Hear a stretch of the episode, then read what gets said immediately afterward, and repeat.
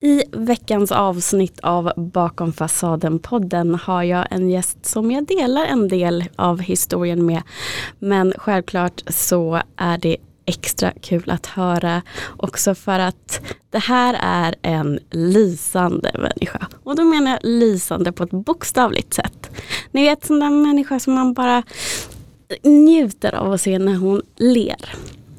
Så jag är super, super nyfiken på den här människan bakom hennes fasad och hennes eh, företag.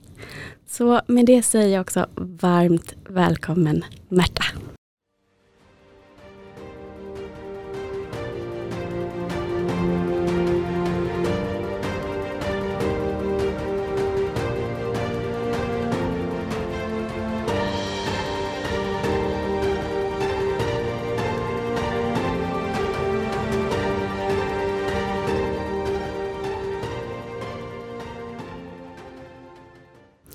Tack så mycket Helena.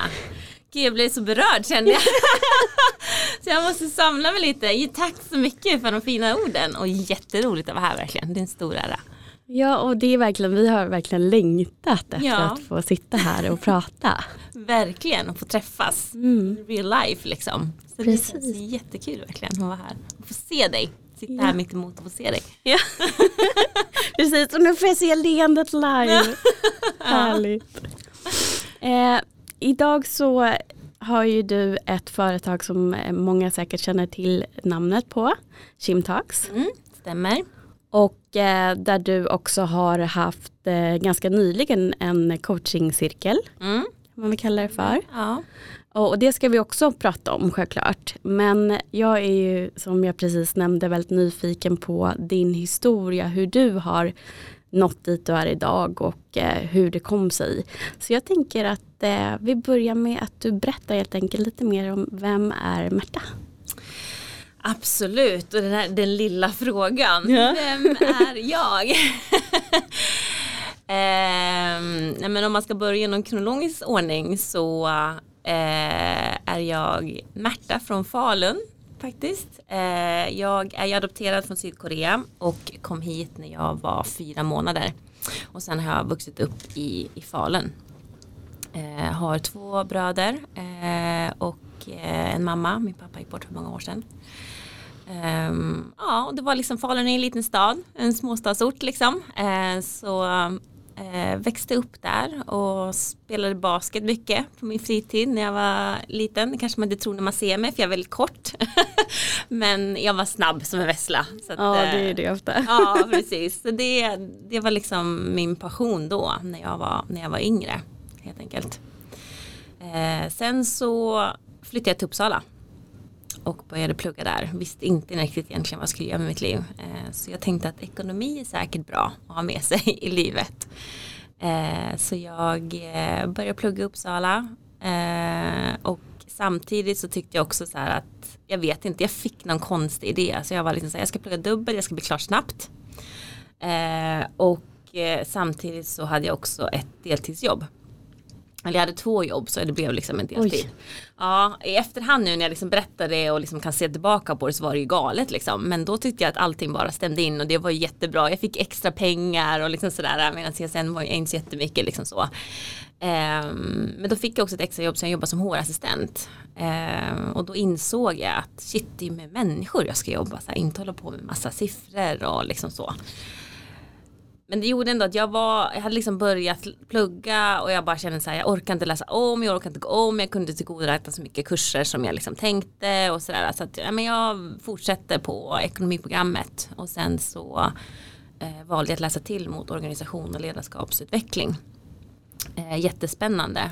Eh, och det här då sen resulterade det då i att jag eh, kom till ett företag som heter Nordin Partners eh, när jag var klar som då jobbade just med organisation och ledarskapsutveckling. På ett annat sätt ska jag säga än det jag läste. Eh, för det jag läste var ju mycket flöden och hur man utvecklar företag och, och liksom rena strukturer i företaget. Liksom. Eh, och när jag kom till det här företaget så handlar det ju mera om relationerna.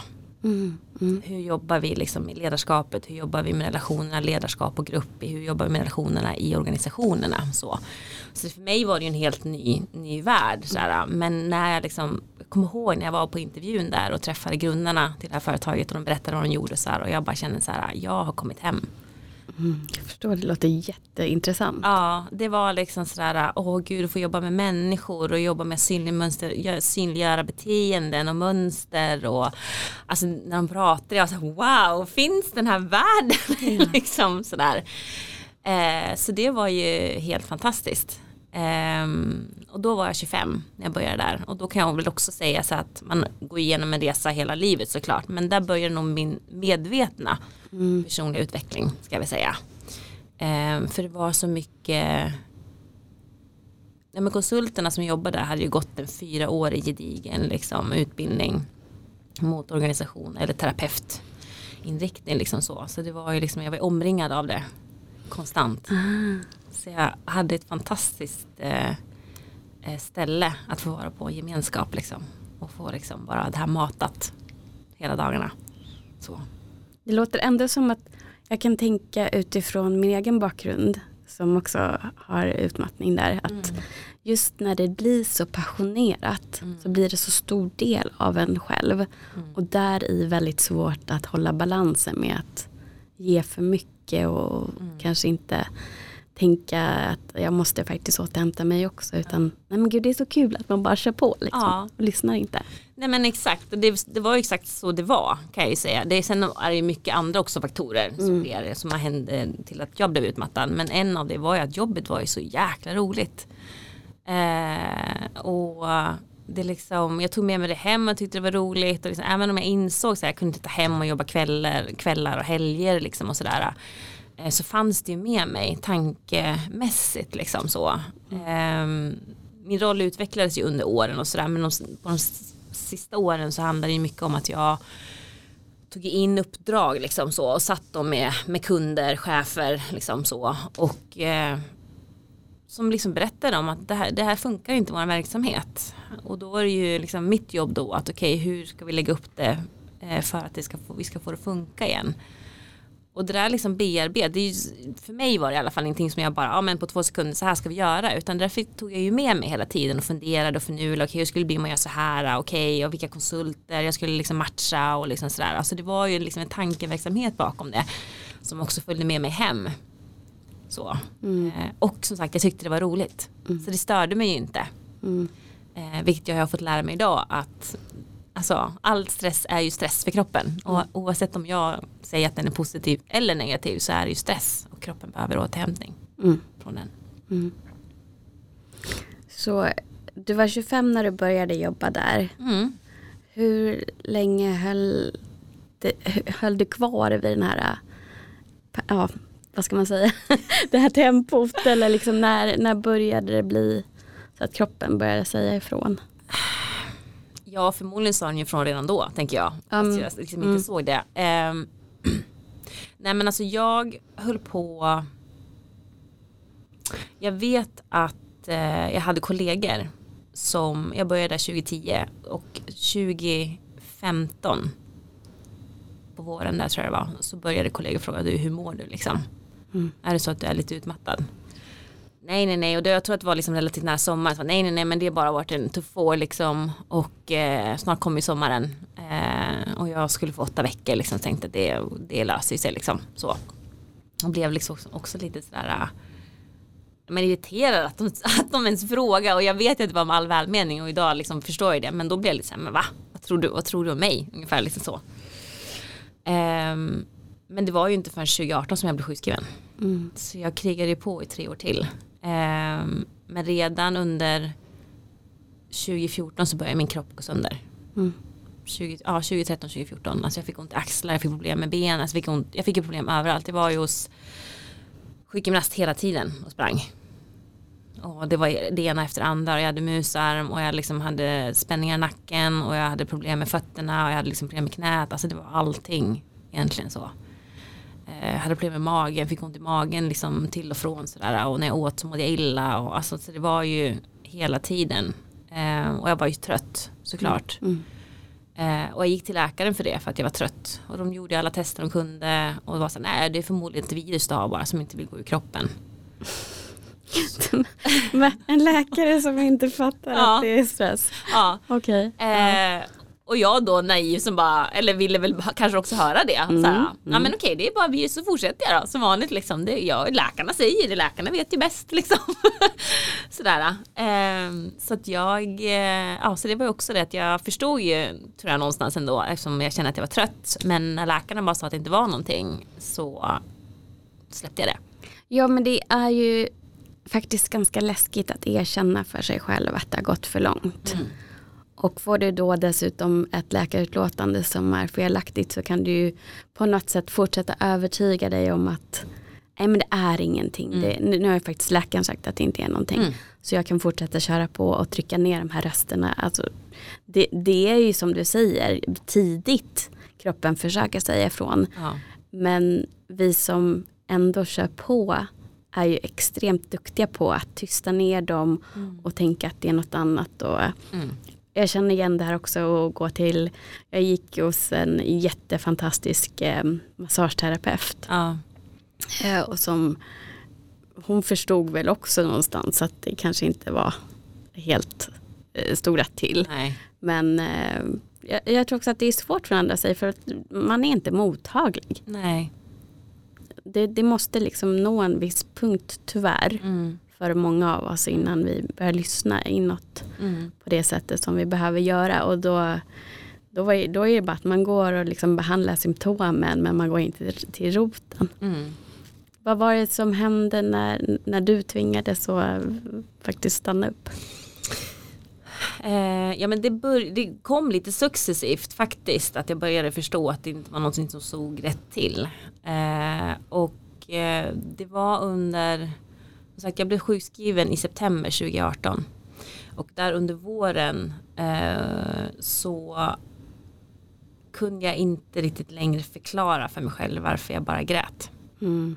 Annars kunde det vara så här, jag är trött, jag har inte ätit, ja, men den här personen sa något som gjorde mig ledsen, det är liksom, det är min mens eller jag har ägglossning. Alltså jag hittade så mycket ursäkter för varför jag mådde liksom som jag mådde.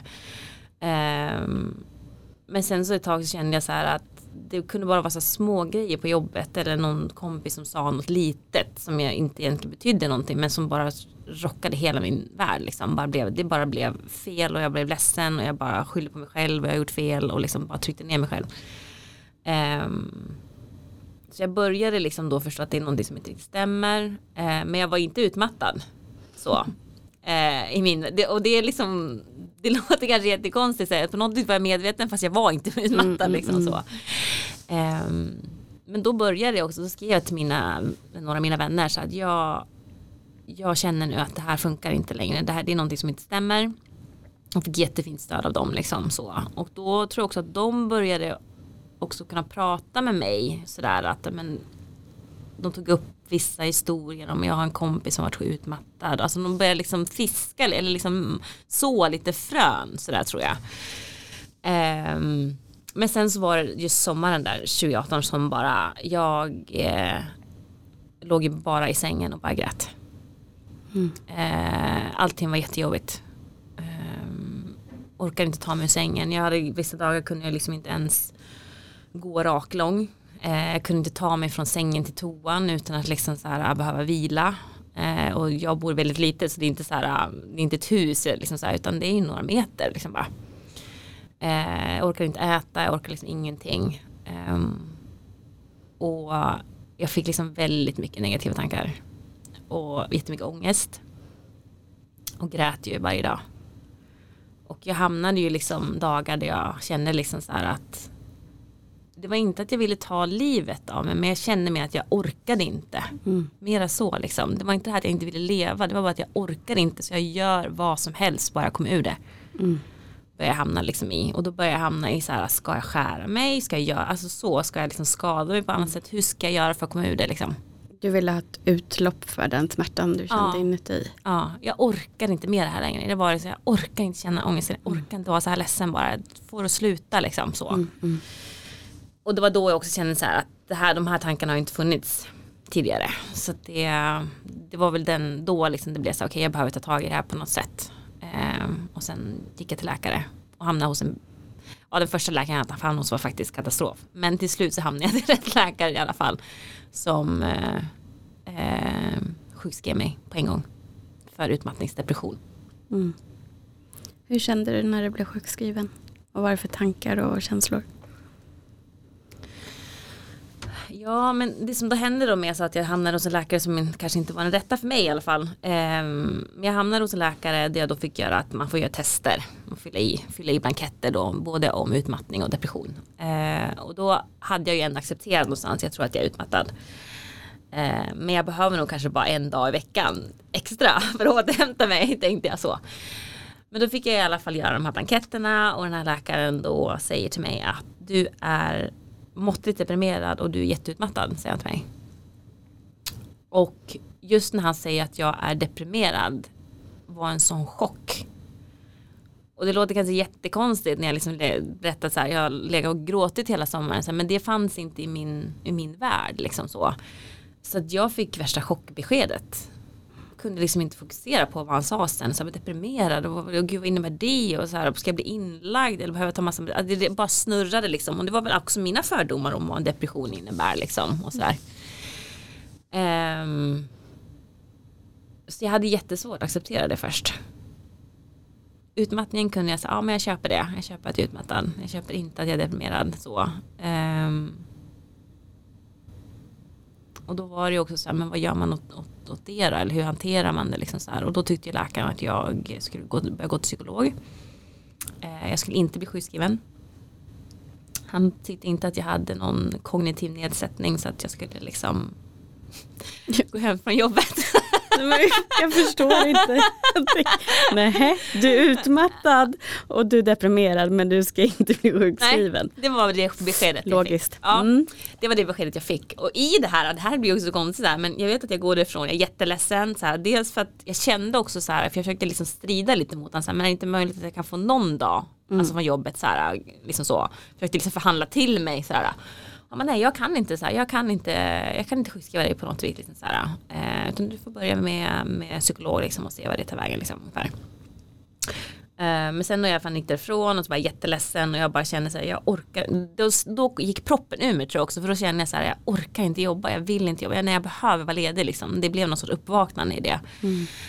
Eh, så jag ringer liksom vänner och kollegor och liksom så här, jag bara, men är det så här det ska vara? Det var också så här, är det så här det ska vara? Är det så att folk får eh, liksom en diagnos att man är utmattad och deprimerad och att man ska fortsätta jobba? Det kanske är så.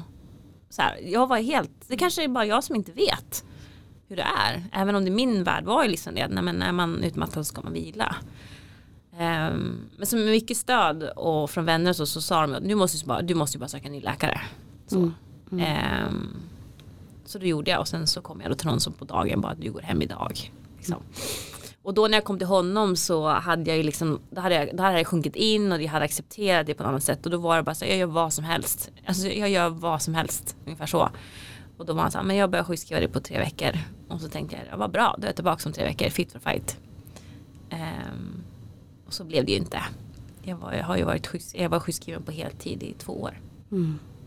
Så. Men man kanske måste börja sådär. För så var det för mig också. Jag hade nog inte jag blev sjukskriven på dagen ja. när jag gick till en läkare. Ja. Eh, men jag hade, inser jag nu också, väldigt, väldigt tur där. Att det var verkligen någon som hade jobbat väldigt mycket med just utmattning och stress. Mm. Um, och där hade jag också stöd i en kille som själv hade en bakgrund av väldigt svår utbrändhet. Ja. Och eh, ut, höll på att utbilda sig till stresscoach som då tog sig an mig som eh, provklient. Mm. Så att där hade jag hela tiden någon att bolla med. Bra. För precis som du så jag hade ingen aning om vad utmattning var för någonting. Eller, mm. och jag, jag, känner igen det där också att, att man går där, eller den här känslan av att jag orkar inte. Mm. Fast ändå vill jag fortsätta prestera. Att det blir mm. så dubbelt på något sätt. För att det är det man känner till, man klamrar sig fast vid det man känner till för det är mm. bekant och därmed tryggt. Mm. Så att jag, jag, vet att när han då sjukskrev mig på dagen Mm. så kände jag bara, nej men det går inte. Nej. Vem ska då ta hand om allting? Mm. Och att jag då gick till, tillbaka till min arbetsplats, för jag gick då eh, under arbetsdagen till den här läkaren Mm. eh, som var företagshälsovård. Mm. Och eh, hade sådana skuldkänslor för att jag inte fick fortsätta jobba och liksom, jag, nu bara lämnar jag allting. Och att det var då eh, vår personalchef var så fin, Mm. eh, Caroline, då, sa bara tänk inte på det, Nej. vi löser det, Mm. gå hem och vila. Mm. Ehm, så att, men jag gick ju bara hem och fastnade i soffan i stort sett i två veckor. Mm. Tog- Tog mig inte upp. Nej. Ehm, men um, där i också hitta den här acceptansen som jag tror är så viktig över att nu är det faktiskt så här. Mm. Och du kan inte fortsätta som det är. Precis. Hur eh, var första tiden för dig när du var sjukskriven? Eh, den var ju väldigt ångestfylld. Skulle jag nog beskriva det. Eh, det var liksom som jag sa, att proppen gick ur på något sätt. Vilket gjorde också att jag kunde inte göra saker helt plötsligt. Jag blev helt handlingsförlamad. Eh, och i det här då också så blev det också att jag hade en läkare som hade sjukskrivit mig på tre veckor. Eh, och det var via företagsförsäkring så det var privat. Ehm, och då för att jag skulle få fortsätta gå till en läkare så började de undersöka liksom, att jag inte hade, varit, eh, hade gått till en annan läkare för det tidigare. Och liksom så, här. så det gjorde att det blev en utredning vilket gjorde att jag inte fick komma tillbaka till den läkaren. Och det här stressade mig så otroligt mycket. Eh, och jag visste ju liksom inte heller hur det funkar med Försäkringskassan. Alltså jag, det var ju liksom så mycket grejer som jag inte fattade hur man skulle göra. Eh, och behövde liksom ringa folk, jag behövde skicka mail, jag behövde skriva under saker. Alltså det var så mycket sådana grejer. Så jag fick bara panik i allt det här. Så det var jättejobbigt. Eh, här skulle jag försöka landa på något sätt liksom så. Men det, bara, det var, blev för mycket administration som både tog knäcken av mig. Så jag hade liksom vänner som var tvungna att ringa och boka en tid för en ny läkarbesök. För att jag inte fixade det. Jag kunde inte, jag kunde inte använda telefonen längre. Ehm,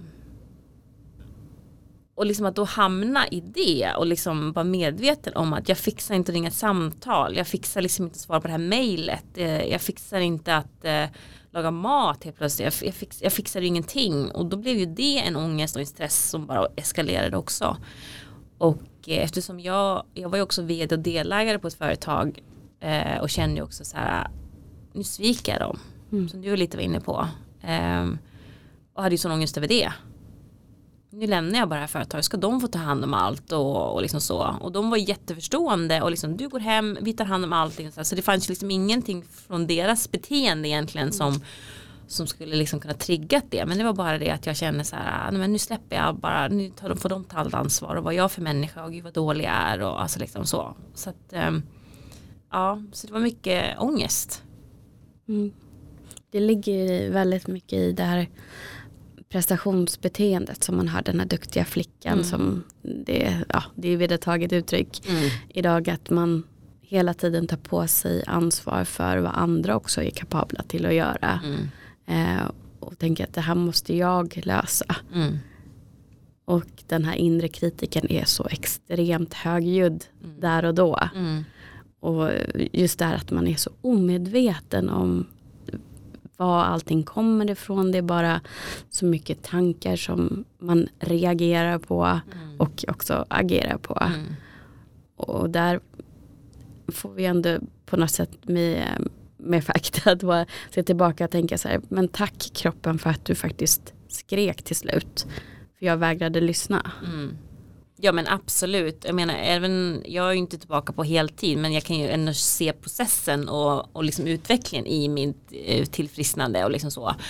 Ehm, och jag kan ju också känna vad jag, att jag har fått med mig saker från det. Jag har ju börjat liksom som du pratar om att lyssna på signalerna på ett helt annat sätt vilket gör att jag är medveten om min kroppssignaler på ett helt annat sätt än vad jag var tidigare och det är ju fantastiskt tycker jag. Att verkligen känna nu, aha okej så det var det den försökte säga åt mig förut, okej men då lyssnar jag nu i alla fall på den liksom så. Eh, och kan också känna någonstans att jag har liksom hittat till någon sorts men in mera stark intuitiv röst eller vad man nu vill kalla det, sjätte sinnet eller sin inre röst, vad man nu vill, vill kalla det liksom. Eh, kan jag känna att den har ju också blivit starkare. Mm. Och, jag, och jag har tillgång till den på ett helt annat sätt idag eh, än vad jag hade när jag gick hem. Som, på sjukskrivningen liksom. Mm. Eh, så det är liksom klyschigt så men det är inget ont som inte har något gott med sig även om det liksom var sjukt jobbigt. Och jag fick ju kämpa och liksom att acceptera. Det var liksom ingenting som för mig kom på dagen. Nej, gud, nej. Så var det inte. Eh, utan det har ju varit så otroligt mycket tålamod liksom, i att, att, liksom, att försöka hitta tilliten till hela processen. Så. Eh, och jag menar hela min självbild var i guggning. Mm. Den här personen som jag har en bild av mig, det här, jag, kan, jag kan ju göra det, jag är si, jag är så, liksom, den var ju bara helt rasad. Och då helt plötsligt, okej okay, men vem fasen är jag? Mm. Så. Så man hamnar ju, eller jag hamnar i alla fall också i någon sorts existentiell kris också samtidigt i det här samtidigt som man är jättetrött och deprimerad och alltså liksom så det, det kommer ju så mycket mm. i det liksom inte bara att hjärnan säger stopp att man är trött utan det blir också mycket andra processer som startar igång så som finns med igen också. Ja och det, det är helt omöjligt att kunna lösa det utan att låta det få ta tid. Mm. Så det jag vill nog säga, nu är jag, ska vi se, det blir i höst sju år sedan mm. eh, jag blev sjukskriven. Och jag kan nog säga att det tog åtminstone fyra år innan jag helt började känna att jag hade lagt om livet och var nöjd mer och mer till alltså den nya Helena. Ja. Och hade liksom kunnat släppa den här som du också beskriver bilden av vem man tycker att man är. Ja. Utifrån det man alltid har gjort. Mm. Och det man alltid bara har kört på och inte ifrågasatt. Mm. För det är så man ska göra. Man följer normerna, man följer det som samhället hela tiden matar oss med att vi ska göra. Mm och lyssnar mer på det och kanske också hur vi har växt upp. Mm. Vad man har fått höra att eh, man ska göra för att på något sätt känna att man har ett värde och lägger allt på det yttre. Mm. Att det hela tiden är en bekräftelsejakt utåt. Mm. Eh, och inte lyssnar inåt. Och jag vet att jag skrev till någon som jag håller på att lära känna nu att mitt mantra senaste två åren har varit lyssna inåt. Men jag kan inte säga med handen på hjärtat att jag verkligen gör det förrän nu. Mm. Så bara det sen som blev en vad ska man säga, följeprocess till att jag började landa i vem jag är mm. tog ju sen också det två år till. Mm. Så det, det, är en väldigt, väldigt lång process men då, med det ska man också veta att ja men säg att det tar eh, fem, sex år eh, minst att mm. känna att du börjar hitta det som du verkligen vill göra och den du verkligen är. Mm. Fast ofta händer ju det här i alla fall mellan 25 och 35 mm. att man blir utmattad. Mm. Tänk dig då att det ändå tagit 25-30 år att också bli, bli den personen som du var. Ja. Då är inte det så himla lång tid egentligen om man jämför. Så att med det vill jag också förmedla att försöka acceptera att det, det måste få, få vara så. Mm. Och hitta lugnet inuti i en helt ny process. Det är ingenting vi har lärt oss. Det, vi har inte så mycket att luta oss på. Kunskapen behöver fortfarande bli så otroligt mycket större. Mm. Eh, inte bara uppenbarligen bland läkarna. Eh, men också bland arbetsgivare. Mm. Att eh, kunna se tecknen på att någon jobba för mycket på utbrändhet, på utmattning um, och också försöka ha ett uh, klimat på arbetsplatsen där man faktiskt får börja lära sig skilja på jobb, fritid, mm. återhämtning, hela den här grejen och att det ska vara balans som är målet och inte de här säljmålen mm. eller prestationen hela tiden. Mm. För mig har prestation nästan blivit ett fult ord mm. idag. Hur känner du om jag säger prestation? Um, nej men för, mig är, har det också blivit, det har blivit, det förknippas inte tycker jag på samma sätt som det har gjort för mig. Uh, det jag liksom så här, kan ha triggats av det, det gör jag inte idag. Det är snarare liksom att jag åh oh, gud vad jobbigt. Mm. Så liksom. Uh, det blir lite ångestladdat sådär.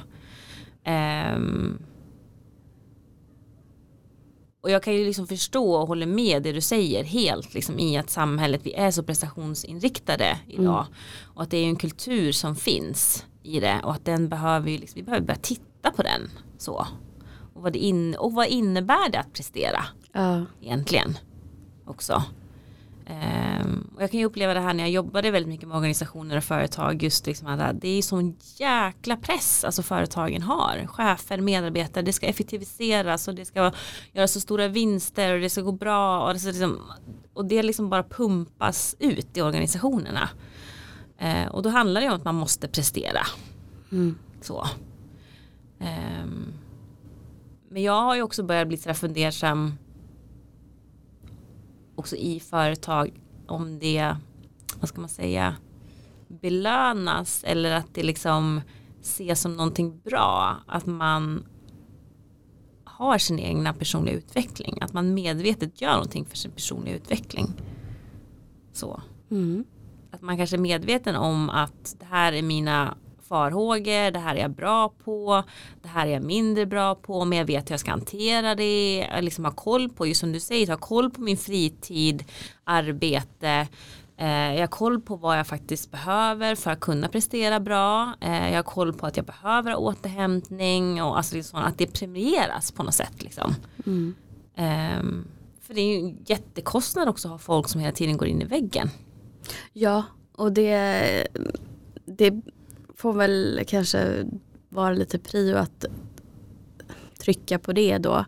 Om det är några som är väldigt motsträviga och inte mottagliga till att titta på den alltså humana mm. ifrån en sån aspekt att mm. eh, se hur människan mår. Mm. Om det är någon som känner att det är väldigt obehagligt att tänka så mm. och därmed inte är mottaglig så finns det ju otroligt mycket forskning och fakta på bara vad det kostar mm. att ha en person sjukskriven. Mm.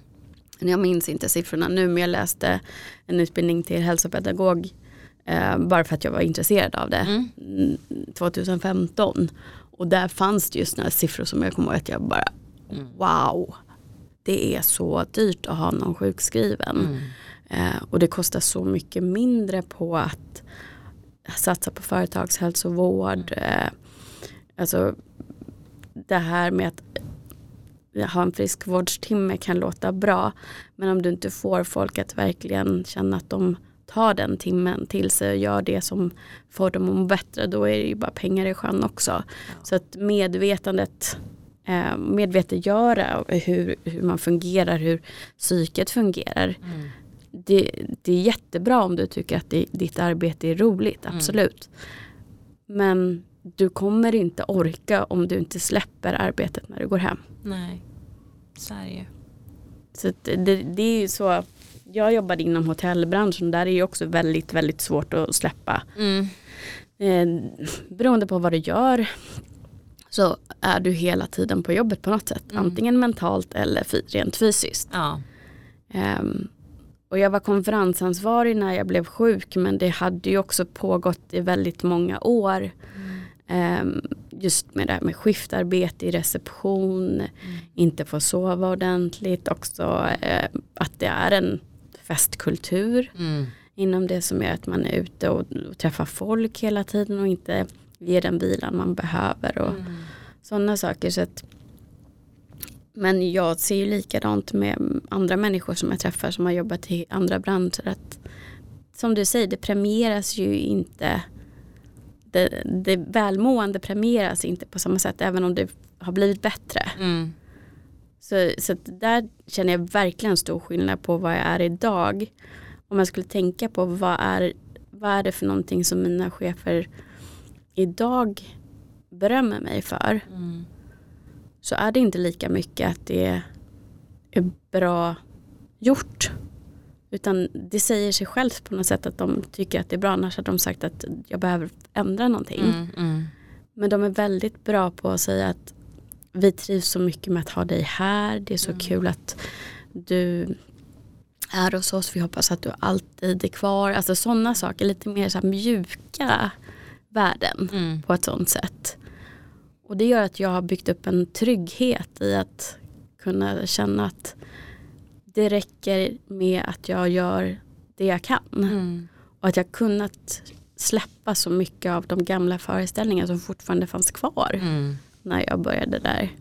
Sen eh, förstår jag att alla inte har turen men och jag, det är ju jättefint att jag har sådana människor som chefer idag men där är vill jag också säga att jag har tagit ett personligt ansvar och faktiskt sökt mig någonstans där jag upplevde att de redan i rekryteringsprocessen tog väldigt fast alltså, på att vi är ett team här, vi ska funka tillsammans, vi bryr oss om hur varandra mår Mm och valde utifrån vad som kändes bäst, inte bara utifrån uppgifterna. För Mm. jag valde också uppgifter där jag visste att det här är en, en sån tjänst där Mm. jag kommer kunna gå härifrån och vara ledig. Mm. Eh, men också att tänka så här att här kommer jag nog också må bra. Mm. Så det tror jag är jätteviktigt att man får låta det komma till att man börjar tänka så här var, var någonstans kan jag vara och jobba och tycka att det är kul utan att jag känner att jag tar med mig det här hela tiden. Att man inser att det finns så mycket mer än att jobba. Ja, Faktiskt. det, det är liksom, ja jag har jättekul på jobbet Ja. men jag känner liksom inget behov av att, att göra någonting när jag är ledig Nej. som har med det att göra. Och eh, det är liksom inte hela världen om jag inte hinner klar med en arbetsuppgift innan jag går hem. Det var verkligen, en sån grej var helt omöjligt för mig att ens tänka tanken Ja. på förut. Ja. Allt skulle vara klart gärna innan lunch Ja. som jag skulle göra på hela dagen. Det var liksom någonting, och jag var så stolt över att jag, att jag jobbade så också. Vad skulle du säga har liksom varit den största delen i att du har liksom kunnat skifta om man får säga så eller förändra eller liksom sådär från det ena då prestationsinriktat till att det är okej att inte behöva prestera på det sättet som jag gjorde tidigare eller så. Dels så gjorde jag en väldig helomvändning när jag blev sjuk. Mm. Ehm, jag gick ifrån att egentligen inte ha så mycket lugn inplanerat överhuvudtaget. Ehm, jobbade jag inte tio timmar om dagen. Ehm, eller mitt liv innan var egentligen att jag jobbade i snitt tio timmar om dagen. Ehm, hade ofta tankar på jobbet när jag var ledig och där försökte jag väl koppla bort genom att jag var väldigt involverad i en supporterkultur. eh, Ett eh, fotbollslag här i Stockholm. Jobbade ideellt där. Mm. Ehm, var på alla matcher, bortamatcher, hemmamatcher. Um, och där dövde, dövade jag nog väldigt mycket med alkohol. Mm. Och det var så kulturen var, det var så accepterat. Mm. Eh, och då lyssnar man ju ännu mindre inåt, för då tystar man ju de rösterna med det. Mm. Eh, så det, var liksom, det fanns ingen återhämtning och sen så började jag träna för att orka. Mm. Och det var ju ett bra steg framåt. Men när man ändå inte tar bort det andra så, så leder ju ändå hit. Ja. Eh, och sen så var det ju så också att det var en, en viktig person i mitt liv som eh, var en del av den här supporterkulturen som eh, tyvärr gick bort. Ja. Ehm, när precis jag skulle ha min semester som jag hela tiden hade som mål att ah, ja, men jag, jag kämpar på lite till, jag kommer ju ändå Mm. snart få semester, då kan jag ta det lugnt. Mm. Och sen så förlorade vi honom, eh, jag tror det var dagen efter min semester började. Eh, så att där var det någonting, där, där ställdes jag inför ett val också. Mm. Hur ska jag hantera hans bortgång? Ska jag välja att döva det ännu mer med alkohol och jobba och ja, allt Mm. annat som distraherar? Mm. Eller ska jag faktiskt ta hans bortgång som motivation till att hylla hans liv på något sätt Mm. med att jag försöker förlänga mitt eget och försöker göra något bra av mitt eget. Mm. Eh, och där så blev jag ju sjukskriven eh, mitt i sorgarbetet. Så det blev ju ändå som någonstans kunde jag använda det lite som morot för jag hade väldigt svårt att göra det för min egen skull. Ja. För jag hade aldrig gjort någonting för min egen skull. Nej. Ehm, så att dels det och sen också stödet då med Johan Norén som jobbade som stresscoach där. Ehm, och han kunde visa vägen. Mm. Um, plockade bort alkohol, Mm. cigaretter helt. Mm. I, ehm, ja, det blev nio månader ehm, totalt och där också började röra mig mer. Mm. Min medicin blev att röra mig. Jag fick väldigt fysiska symptom som hjärtklappning till exempel. Mm. Och jag tyckte det var otroligt obehagligt när det kom. Ja. Men jag märkte att om jag gick ut på en promenad så fick jag bort de här stresshormonerna. Mm. Så att jag gick ju långa, långa promenader. Mm. Ofta två, tre gånger om dagen. Mm. Och kunde reglera då symptomen på så sätt. Mm. Och sen började jag eh, träna styrketräning och eh, lite sådär cirkelträning och sånt med Johan.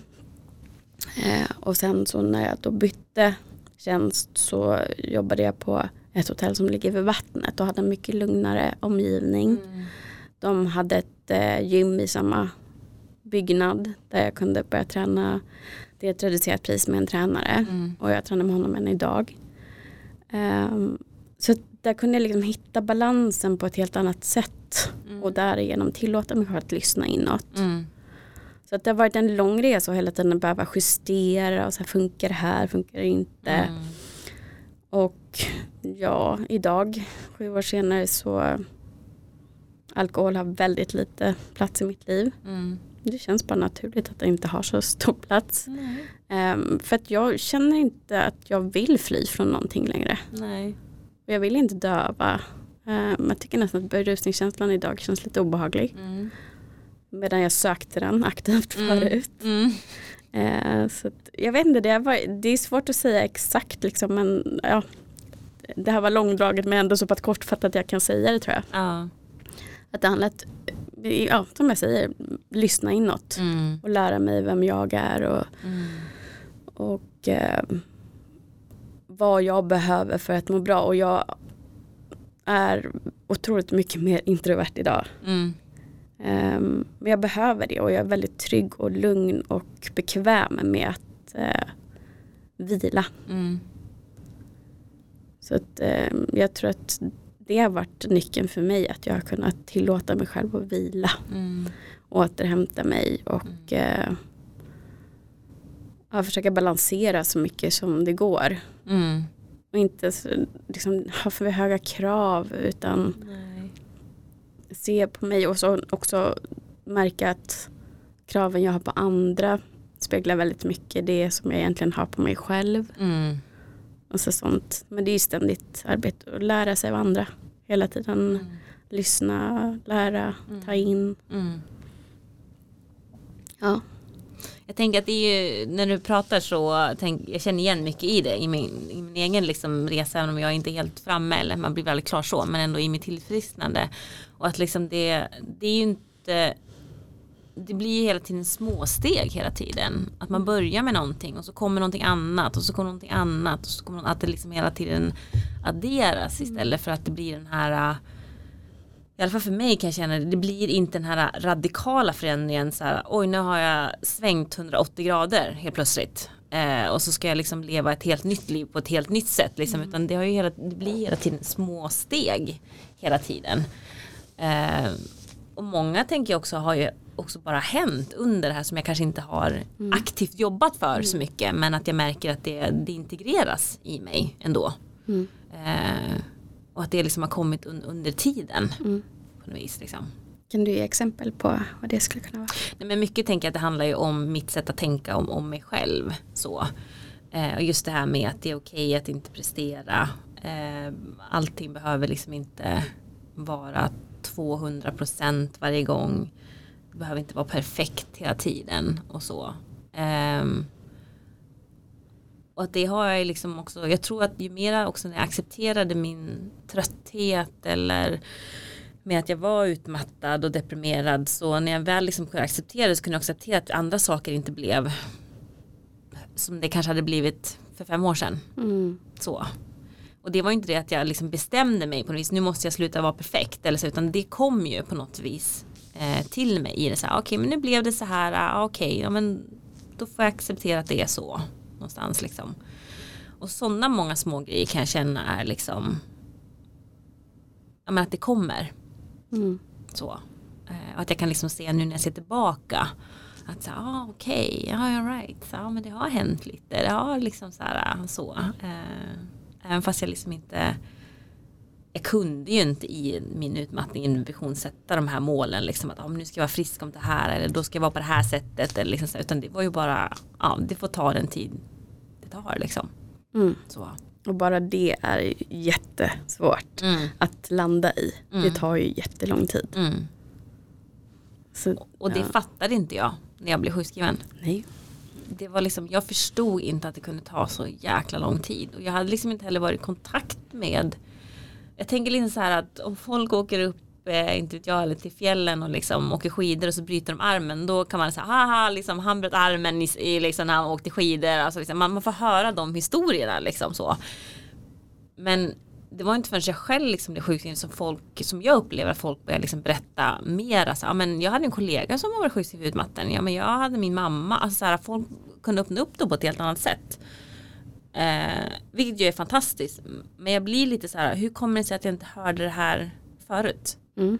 Du kan lätt berätta liksom att Kalla ramlat och brutit benet och det blev en rolig historia. Liksom, men, lite så här, men man berättar inte att men, nu gick den här personen in i väggen eller nu är den här sjukskriven eller liksom så. Eh, för det är inte lika ja, men normaliserat eller jag vet inte liksom. Jag, jag tror inte att det har varit så, eller min uppfattning i alla fall är att um, acceptansen för att man inte kan vara en robot och bara köra på. Mm. Att vi ändå är människor. Mm. Vilket gör att vi har en väldigt stor grad utbrändhet mm. i samhället. Mm. Har vuxit. Mm. Men jag upplever inte att den fanns där för tio år sedan alls. Utan det var någonting man mörkade. Man pratade inte om det.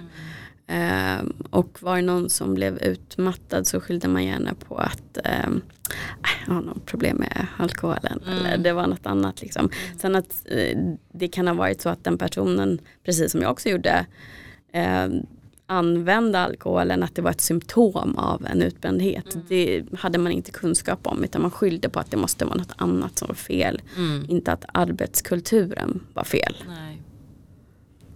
Så där mm, har vi nog fortfarande en väg att gå men jag tycker ändå att det har blivit mycket bättre. Det jag upplever, eller så är det så att jag söker mig mer till de omgivningarna där det pratas mer öppet om det. Ja så kan det ju också så kan det vara att jag har levt liksom i någon bubbla där man inte har pratat om det eller liksom så men jag upplever en sen jag blev sjukskriven så har ju folk öppnat upp om det på ett helt mm. annat sätt. Mm. Så. Um, och det var väl det jag kände också lite med när jag liksom var med i min första podd så där, när hon hörde av sig så men kan jag bidra till att vi pratar mer om det och att det är okej okay, liksom att vi blir utmattade och vi blir deprimerade och det kan vara även fast vi tycker att jobbet är roligt och att vi liksom har höga positioner så är jag jättegärna med och bidra till det. Så. Eh, för det är, det är, en viktig fråga. Mm. Ändå. Om man tittar tillbaka på din, din barndom Mm. Och hur, hur det var runt omkring dig. Alltså både i familjen och, och överhuvudtaget liksom med den här prestationen. Mm. Kan du se att det, att det har börjat någonting redan där? Ja, jag har ju alltid presterat och varit liksom eh, Jag har alltid haft med mig den här perfektionismen av saker och ting. Att det ska vara perfekt alltihopa. Vad jag än har gjort och vad jag än gör liksom. Eh, så det har ju funnits med mig väldigt, väldigt länge. Um, och det, det är svårt att säga att det handlar om en sak eller det är en grej som har hänt i livet eller liksom sådär. Um, men jag tror ju, jag tror att många av våra, vad ska man ska säga, rädslor eller utmaningar eller saker som vi har i livet mynnar ju ner ofta i ex, några existentiella frågor som att liksom, ja, men duger jag, får jag vara med, är jag värd någonting? Eh, och att det har ju mycket handlat om min prestation. Att om jag inte presterar så duger jag inte, eller jag får inte vara här, eller jag får inte vara med, eller ingen kommer älska mig, eller liksom så. Mm. Eh, så det har ju funnits med mig hela tiden, tänker jag. Eh, och har påverkats av, av barndom och händelser och situationer så. Mm. För där kan jag se, och sen vet inte jag om det är helt rättvist att säga, men jag upplevde i alla fall att jag fick beröm och blev sedd på ett helt annat sätt när jag presterade. Um, än när jag gjorde någonting snällt. Ja. Eller liksom. ja. ja. men förstår jag menar. Och med det är inte sagt att mina föräldrar på något sätt har gjort det för att vara elaka. Utan bara att det är så de har lärt sig och de ville att jag skulle få en bra karriär och få en trygghet i det.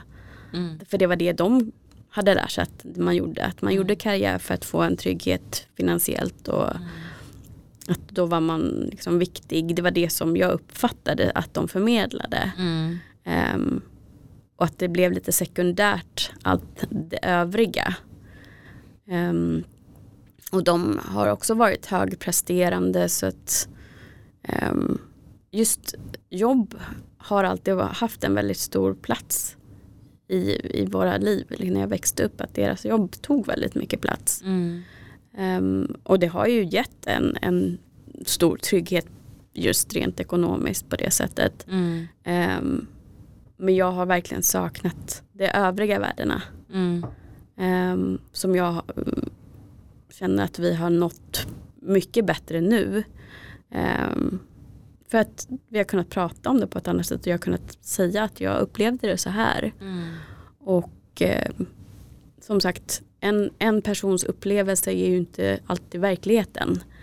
Och det är inte det jag vill säga heller utan för mig är det så här att det viktiga är hur jag kan prata om hur jag upplevde det och mm. de kanske också kan hjälpa till och nyansera den bilden med att absolut det här har vi sagt har varit viktigt. Mm. Men det var också för att vi älskar dig, för att vi vill att det ska gå bra. Mm. Och eh, inga personer är ju perfekta. Um, och att jag kanske också kan i det ha glömt bort hur mycket bra och fint det också har varit. Att det blev kanske lite för mycket fokus och att det blir läkande att också kunna prata om det för att man får en mer nyanserad bild av det mm. som man gör. Mm. Och jag värdesätter verkligen hur mycket mina föräldrar idag är noga med att säga att de är stolta över mig. Mm. För att idag kan jag koppla ihop det med vem jag är istället för det jag presterar. Mm. Det är jätteviktigt. Nej, men jag tror precis som du säger att alltså, all, att många föräldrar gör ju, alltså menar inget illa med saker, liksom så här, utan jag tror att vi alla gör ju så gott vi kan utifrån Absolut. de förutsättningarna som vi har. Mm. Eh, och jag menar, det är väl kanske idag med så mycket forskning som vi kan veta att man kanske inte ska berömma prestation eller alltså liksom sådär och det, det, kanske man inte visste när, när vi var små på det mm. sättet utan då var det det som var normen eller kulturen eller liksom så. Um, men, men jag, alltså jag har ju inte så mycket minnen från när jag var liten. Um, så jag har ju svårt att se det. Jag kan inte känna igen att de bara skulle ha berömt mig för min prestation. Eller liksom så, utan för mig handlar det nog mer om att få vara med. Mm. Får jag vara med här? Mm. Så. Um, att det fanns liksom, att det var en oro i mig. Och vi, som jag då upplever i alla fall är att vi växte upp eller när jag växte upp så var det att vi pratar inte om så mycket saker, alltså viktiga, riktiga saker om man säger så. Jag blev, kan ju uppleva att jag har blivit väldigt mycket lämnad känslomässigt, mm. emotionellt liksom så, fått tagit hand om det. Ehm, och sådär, och att det var liksom inte, jag lärde mig ju inte hur man skulle prata, alltså jag behöver prata om det här, det här är jobbigt för mig, liksom, jag är ledsen eller vad det nu än var, liksom så. Ehm, utan det ska man bara ta hand om själv.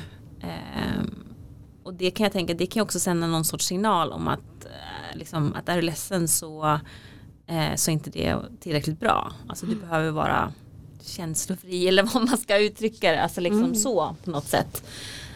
Um, så jag har ju sörjt mycket liksom de senaste åren över hur, ja, men hur i familjen jag kunde känna att jag inte kanske fick lära mig att prata om känslor men också framförallt att kanske inte kunna stå upp för mig själv.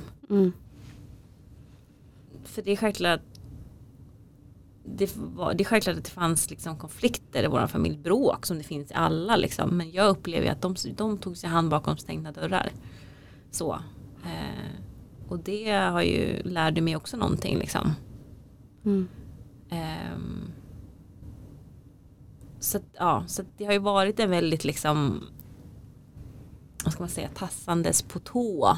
Sådär. Och vilket ju på ett sätt man ska liksom försöka vara sen och så här, det är fint, man liksom vill inte trampa på någons tår och man vill liksom hålla stämningen och liksom så här, och det har ett pris Mm. i det liksom. Mm. Ehm. så jag tror liksom att det för mig var det ju liksom mycket det att att jag visste liksom inte hur man skulle vara på ett annat sätt egentligen. Ehm, och det liksom är att jag liksom har haft ehm, erfarenheter av att folk liksom bara har lämnat, alltså bästa vänner som har frysit ut en och släkt som har slutat prata med en och liksom sådär. Som barn så förstår man ju inte att det, idag kan jag tänka att ja, det handlar mer om dem än vad det handlar om mig. Men det kunde jag inte som barn. Mm. Utan då blev det ju att det här handlar om mig. Jag får inte vara med, jag duger inte. Då var jag inte tillräckligt perfekt. Så då behöver jag bli ännu mer perfekt Mm. egentligen. Så. Ja, men det blir så att så som man uppfattar det, det är så som man utvecklar en skyddsstrategi för att slippa känna så igen. Mm. Och så tar man med det. Mm. Jag känner igen väldigt mycket det du säger och jag har verkligen jobbat jättemycket på den här känslomässiga övergivenheten. Mm. Eh, framförallt förra året. För det var då jag ens förstod att den var där. Mm. Eh, mycket tack vare min terapeut också, Mm. Charlotta. Ehm, och med det också inte se det som att det är någonting som någon har gjort för att göra mig illa.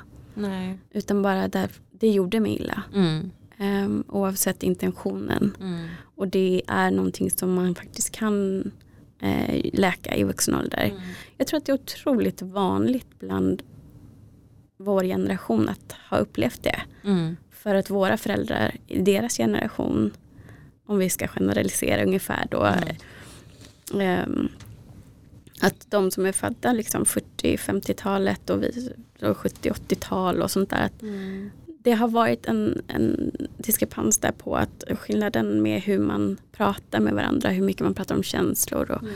och tillåter det att få ta utrymme och hur man hanterar konflikter Mm. har varit så stor. Mm. Och där har vi tyvärr tagit skada, många av oss. Eh, vilket visar sig nu när vi har blivit vuxna och, är mitt i livet. Liksom. Ehm, och det tror jag är jättebra att prata ännu mer om. Och eh, tack så jättemycket för att du tog upp det. För att det är verkligen viktigt att lyfta. Mm. Eh, för att jag tror vi är så omedvetna. Vi går och bär på de här såren. Och eh, tar vi inte hjälp och börjar lyssna inåt och blir vägledda när vi lyssnar inåt. Blir vägledda på den här inre resan som man gör. Mm. Då vet vi inte vad det beror på. Nej. Och som du säger så det är så mycket av de här grejerna som påverkar som också kan vara en del till att vi faktiskt blir utmattade. Mm. Och jag upplever i alla fall själv att jag som högkänslig jag vet också att jag har tagit saker på ett annat sätt än vad till exempel min syster har gjort. Mm. Eh, och vi har ändå levt i samma familj. Mm. Vi har väldigt lika bakgrund men vi är otroligt olika på så sätt. Hon är mycket mer trygg än vad jag är. Mm. Eh, Men hon hanterar saker annorlunda också. Och hon har väl också kanske lärt sig att hantera saker utifrån jag känner igen det du säger också där med att vilja, hon är också från Sydkorea. Mm. Okej. Eh, Så hon har också upplevt ett behov av att vilja passa in och smälta in och få vara med. Mm. Och där har jag kanske känt, känt samma behov fast mer utifrån ett känslomässigt perspektiv. Att inte känt att jag passar in för att jag känner mycket mer än alla andra och tar saker mycket hårdare. Och det är så mycket hela tiden runt Mm. omkring medan hon kanske känt att hon har sett annorlunda ut och velat passa in och vara duktig och vara utifrån det. Mm. Ehm, och det är bara olika upplevelser och, och liksom, det är lika stor betydelse för vad vi gör Mm. och hur vi blir och Ja. sådana saker. Men ja, det, det är ett helt annat ämne Ja. egentligen. Och nu, nu har vi kanske inte tid att prata om det men jag tycker ändå att det är viktigt att bara lyfta när vi ändå har möjligheten. Absolut. Nej, men det, är, det är så här, jag tror att det finns många faktorer som gör att man hamnar i en utmattning. Så. Ehm, och, men för mig handlar har det varit om att prestera mycket och vad det kommer ifrån finns det också många olika faktorer. Eh, jag känner igen när du, när du beskriver eller berättar om din syster, liksom, så att få passa in och man har inte utseendet fast jag är helt svensk i kultur och språk men folk ser ändå mig inte som alltså det finns också där man vill passa in, men jag är precis som er eller liksom så. Eh, och att då jaga att hela tiden få bli godkänd och få vara med och att ha, leva med den rädslan som kanske är först är omedveten. Så att Ja. man, man kanske inte får vara med eller liksom sådär. Eh, så självklart det här byggs ju på och skapar ju någonting. Så. Eh, Om, om man bara ska sammanfatta lite så tänker jag så här att vi har kanske olika orsaker till våra sår som uppkommer. Eh, men att jag tror många känner ändå igen sig i att ha den känslan. Mm. Och att har man ett känslomässigt sår förkänt sig övergiven på ett, sånt, på ett sätt oavsett vad orsaken är. Så tror jag att det blir väldigt vanligt att man jagar hela tiden värdet ute. Man, det är någon annan som ska bekräfta att jag är värd någonting, att jag är värd kärlek. Och den här jakten blir lätt att eh, koppla ihop med om jag presterar så är jag värd någonting. För då får jag ju beröm utifrån. Mm. Ehm, och där i att man glömmer bort att vi är en människa. Mm. Och när samhället också premierar prestation hela tiden så blir det ohållbart. Att eh, man, man, tycker, man vägrar lyssna inåt, man lyssnar bara på vad andra säger och de här berömmen. Och, och det blir så ytligt Mm. Och innehållslöst egentligen. Men det är så många som lever det livet och ju mer vi pratar om det, hoppas i alla fall, så kommer fler och fler kanske i alla fall stanna upp lite tidigare. Mm. Verkligen. Jag hoppas verkligen det. Ehm, det du jobbar med idag också på med Kimtalks, Mm. hur, hur kom det sig och vad är det du gör där? Ja, alltså det som, att det ens blev Kimtalks var ju att jag, eh, som sagt jag var ju eh, delägare i ett annat företag men så valde jag att sälja min andel under min utmattning. Ehm, det var också ett sätt för mig liksom att släppa ansvaret och lite sådär eh, för, att kunna, för att kunna bli frisk liksom. Så. Ehm, men det jag ändå kände var liksom så här, nu har jag ändå jobbat tio år med personlig utveckling fast det varit mot organisationer och, och chefer och sådär. Så kände jag liksom att jag vill ändå fortsätta på något sätt med att träffa människor och få synliggöra mönster och beteenden eh, kartlägga liksom människors eh, ageranden och lite sådär eh, ändå. Eh, vilket då gjorde att jag kände, nej, men då, då startade jag upp Shimtalks eh, som då jobbar mer mot privatpersoner. Eh, och det handlar just om det som vi har pratat om, det som du summerar så fint tyckte jag, liksom att, att gör vi saker för att samhället säger åt oss eller gör vi faktiskt saker för att vi själva tycker att det är värt det och att vi vill det. Så. Eh, det är ju så himla lätt att bara ja, men i, man har vänkretsar, man pratar om vissa saker, man går in på alla sociala medier, man ser vissa saker, man kollar på filmer, man ser vissa saker. Vi blir matade med vissa saker tycker jag ändå. Eh, om vad som är viktigt i livet eller liksom sådär. Eh, och skulle liksom vilja att, att man bara stannar upp och frågasätter det. Det, behöver inte, alltså det är inget fel med om man vill ha den där bilen eller man vill ha den där villan eller man vill ha de där kläderna eller ha det här jobbet om man vill jobba 80 timmar. Alltså det är inget fel i det, jag vill liksom inte döma någon i det. Eh, mera att man gör det medvetet. Mm. Ja men jag väljer att jag ska jobba 80 timmar i veckan. Okej, då är det upp till dig. Eh, och då får man ju också så här, kanske, det kanske kommer konsekvenser sen. Eller liksom så. Eh, men att bara du liksom ändå har reflekterat över att du faktiskt gör det för att du vill. Mm. Eh, är det det här jobbet du vill ha? Är det den här bilen du vill ha? Varför vill du ha bilen? Eller varför vill du ha mer pengar? Så här, ja, men det kanske är mer för att det handlar om att jag vill ha en frihet. Okej, men kan du få den friheten på ett annat sätt? Eller handlar det bara om pengar? Eller liksom så. Um, så det är liksom mera det jag vill bidra med Shimtalks då. Att, att, att människor ska börja liksom bara stanna upp och reflektera över hur man faktiskt har det. Eh, sen kan man ju välja, ja men jag vill göra en förändring, det här känns inte bra. Eh, och då kan vi stö- stötta i det. Eh, men många gånger tycker jag när man sitter med människor så handlar det också om att bara så här, fasen vad, vad bra jag är. Mm. Jag har gjort det här bra, jag har ju nått, nått det här, den här framgången i livet. Jag har en jättefin familj eller jag har ett jättebra jobb eller jag har en balans i livet och då behöver man stanna upp och njuta av det också. Mm. Så. Och att det också är jag vill, jag vill liksom på något vis få fram också att det är, alltså det operfekta är det nya perfekta. Så. Eh, att det är okej att se på sina brister och att ändå acceptera dem och vara stolt över dem.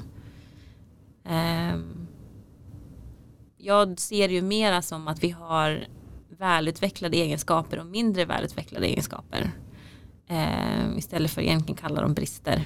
Mm. Eh, och det är ju det här för att vi är duktiga för vi har tränat på vissa egenskaper väldigt mycket och då blir det ju så att ja, men då blir det någon annan ting som kanske hamnar lite i skymundan. Precis som att vi väljer att skriva med höger eller vänster hand. Vi blir duktigare på det ena.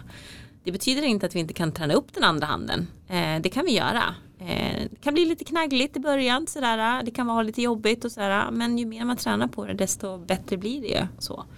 Och det är så jag skulle vilja att vi ser på oss själva istället för att hela tiden titta ner på oss själva. Nej, det här är inte bra. Det här gjorde jag inte tillräckligt bra. Eller det här är jag inte bra på. Det här kan jag inte. Gud vad dålig jag är. Så här, nej men vi behöver träna. Kan man säga att där fokus ligger blir vi också bra? Absolut. Absolut. Och eh, just med, om man då väljer att lägga fokus på självutveckling Mm. och ta kontakt med Shimtax, Mm. vad, vad erbjuder ni för någonting då? Eh, ja, nu är det ju på grund av rådande, rådande pandemi så, så har vi valt nu att då i alla fall under våren att gå online med våra, med våra tjänster. Eh, men vi erbjuder egentligen tre saker kan man säga. Eh, och det ena är att man kan träffas i grupp, utveckling i grupp, eh, där man träffas under ett visst antal tillfällen, sju tillfällen har det varit som vi hade under hösten. Eh, och där vi då jobbar med olika teman. Eh, och jobbar då med olika frågeställningar, vi har olika övningar, vi går igenom olika modeller och teorier och sådär. Eh, och allting då för att man ska egentligen öka sin egen medvetenhet och få mera insikter om sig själv. Eh, och det handlar då som sagt lite att kartlägga, men hur agerar jag i vissa situationer? För det är inte förrän vi, om vi inte vet om hur vi agerar så kan vi ju faktiskt inte börja bestämma oss om vi vill förändra eller inte. Så, Mm. så det är liksom där det börjar. Så då har vi utveckling i grupp.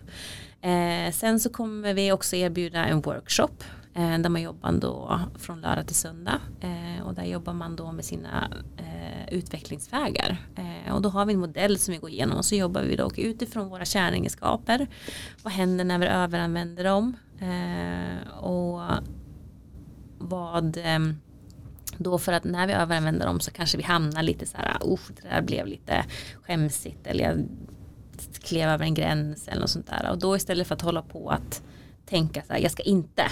Eftersom hjärnan inte uppfattar ordet inte så ska vi inte hålla på och fixera oss vid saker så utan fokusera faktiskt på men vad ska jag göra istället. Så. Och då kan vi hjälpa till att liksom kartlägga den och guida människor genom det. Så det har vi en workshop om, jättespännande. Ehm, och sen så har vi då kan vi erbjuda individuella samtal.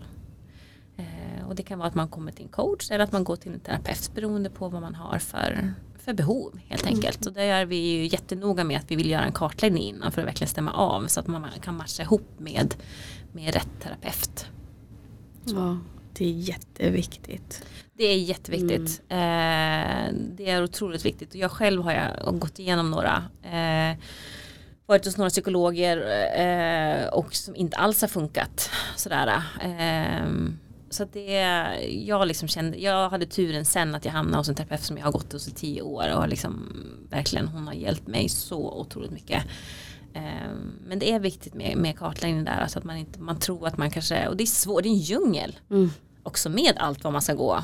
Eh, så det är verkligen inte lätt och där tänker jag ändå att, att liksom med den kunskapen jag har haft eh, eller har och med de terapeuterna som vi har i nätverk och så att där kan man liksom ändå, det är de olika kompetenser som man då kan liksom vägleda i det hela. Vad betryggande att du säger det för jag vet att det är väldigt många som eh, vänder sig till mig och som skriver till mig på Instagram på Bakom fasaden-podden som Ja. just har det här motståndet att eh, söka hjälp eftersom de har fått tyvärr fel matchning när de har försökt och det kan också vara fel matchning Alltså inte bara personkemin med terapeut eller coach utan också att det kan vara fel form. Mm. Du kanske svarar bättre på coaching Mm. eller du kanske svarar bättre på en annan typ av terapiform. Mm. Och att då känna att man får hjälp att hitta rätt är ju faktiskt extremt viktigt och otroligt fint. Mm. Så det är jättebetryggande och jätte, jättehärligt att höra Ja. att ni erbjuder det. Ja men verkligen. Och jag, vi hade nu en, eh, en kund under hösten som hörde av sig och eh, då tog jag liksom ett inledande möte och han berättade att jag har varit här och försökt det här, jag har varit här och försökt det där och liksom man märkte att jag vill bara, jag vill liksom börja hantera det här. Det är viktigt för honom. Ehm, och då efter ett, liksom, ett inledande samtal så kunde jag säga, ja men jag, jag tänker att du behöver det här liksom så. Och det blev jättebra, han var ju supernöjd, han sa det, är, det är liksom det bästa jag gått till av alla liksom. Så. Ehm, för det är inte lätt, alltså vi som ändå är i den världen kan ju förstå och liksom säga, ja men det är kanske det man behöver jobba mer på. Så men är man helt ny så har man ju ingen koll. Nej. Nej men det är Och verkligen så så. hör man något, någon säger någonting på Insta, men det här är jättebra, det här funkar för mig eller alltså liksom så. Och, och, och så kan det vara, liksom, jag vill inte döma någon, någon sorts form eller så här. Det kan vara jättebra för just för dig.